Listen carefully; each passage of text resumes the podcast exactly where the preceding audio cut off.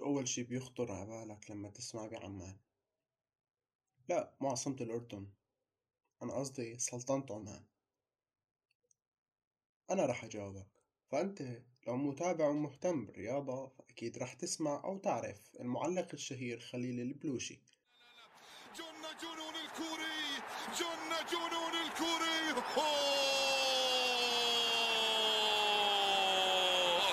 بأقدام صن الأفراح تنتشر في الأرجنتين والأتراح فيما فدخل تعود المحاولة من جديد رفقا بنا رفقا بنا لا لا لا لا لا لا لا لا لا لا لا لا لا إذا أنت متابع عن قرب للكرة العربية قديما فأكيد بتعرف محمد عامر الكثيري ولو كنت ما بتتابع رياضة ولا لك مهتم فيها بس بتسمع موسيقى الأوبرا فأنت أكيد بتعرف دار الأوبرا السلطانية عمان اللي افتتحت عام 2011 واللي هي بتتسع ل 1100 شخص واللي بتستضيف كتير من الحفلات الأوبرالية والمسرحية والموسيقية ومن داخل وخارج السلطنة.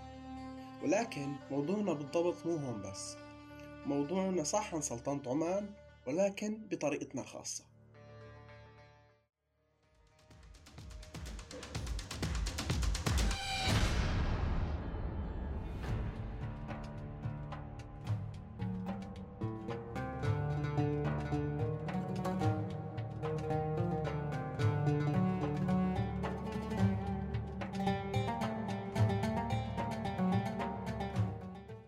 أهلا وسهلا فيكم ببودكاست غرفة وهالمرة حديثنا عن البلد العربي الثاني بهاي السلسلة.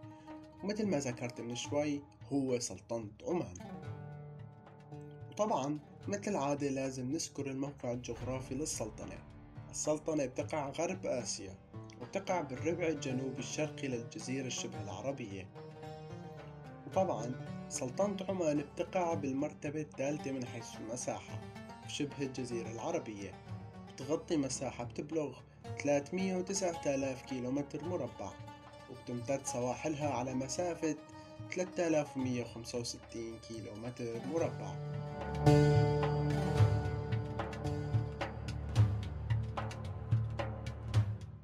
ومطلة أيضا على ثلاث بحار واللي هن بحر الخليج وبحر عمان وبحر العرب. وطبعا أحد وأهم ما بميز سلطنة عمان هو الشواطئ العمانية.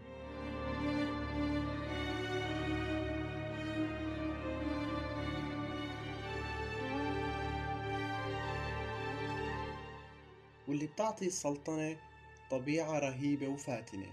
بما أنه حكينا عن الشواطئ فأكيد لازم نجيب سيرة السمك. والأسماك بعمان متنوعة. لحد أنه بتتجاوز ال 30 نوع. مثل نوع بدع عومة واللي هو السردين والحبار والروبيان وكتير أنواع. طبعا أشهر أحد المدن المناسبة لصيد الأسماك بالسلطنة فهي صلالة وجزيرة حربين. وإن شاء الله كون عم ألفظ الأسماء العمانية صح.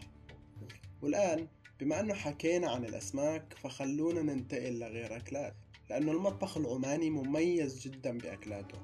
واللي أشهرهن هن المكبوس والهريس والثريد.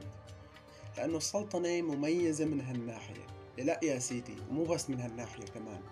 لا فسلطنة عمان فيها معالم مهمة مثل مدينة نزوة الأثرية واللي كانت العاصمة الأصلية لعمان وهي من أجمل معالم السلطنة وأكبرها.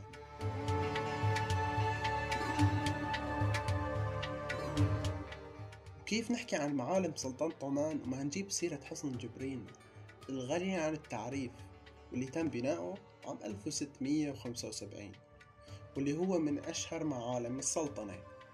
تم بناؤه على يد الإمام بالعرب بن سلطان اليعربي. وكان هو من الأئمة المحبين للفنون والشعر.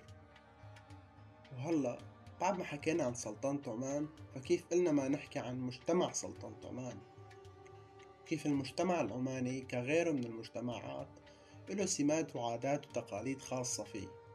طبعا أحدهم هو الاحتفال بالأعياد. طبعا المجتمع العماني هو مجتمع مسلم غالبيته وكأي مجتمع مسلم فهن بيحتفلوا بعيد الفطر وعيد الأضحى كل سنة. مع تشابه النشاطات من مظاهر الاحتفالات والتجمعات. ولكن بسلطنة عمان لهم عادات خاصة مثل أسواق العيود وذبح الأضاحي والشواء العماني والفنون الشعبية وهمن الروبة والبرعة والعيالة.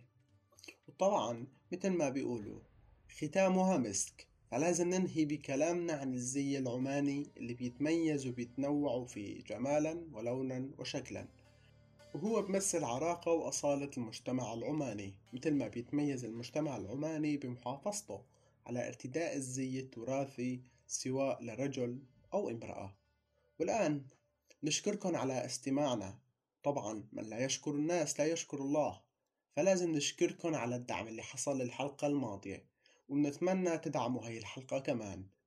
كان معكم من بودكاست غرفة محمد وتسنيم وعبد الحميد وأيلول خلف الكواليس. سلام.